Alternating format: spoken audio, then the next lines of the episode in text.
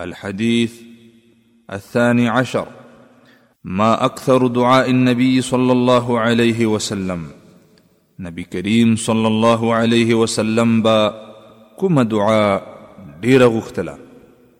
عن أنس رضي الله عنه قال كان أكثر دعاء النبي صلى الله عليه وسلم اللهم ربنا آتنا في الدنيا حسنة وفي الآخرة حسنة وقنا عذاب النار.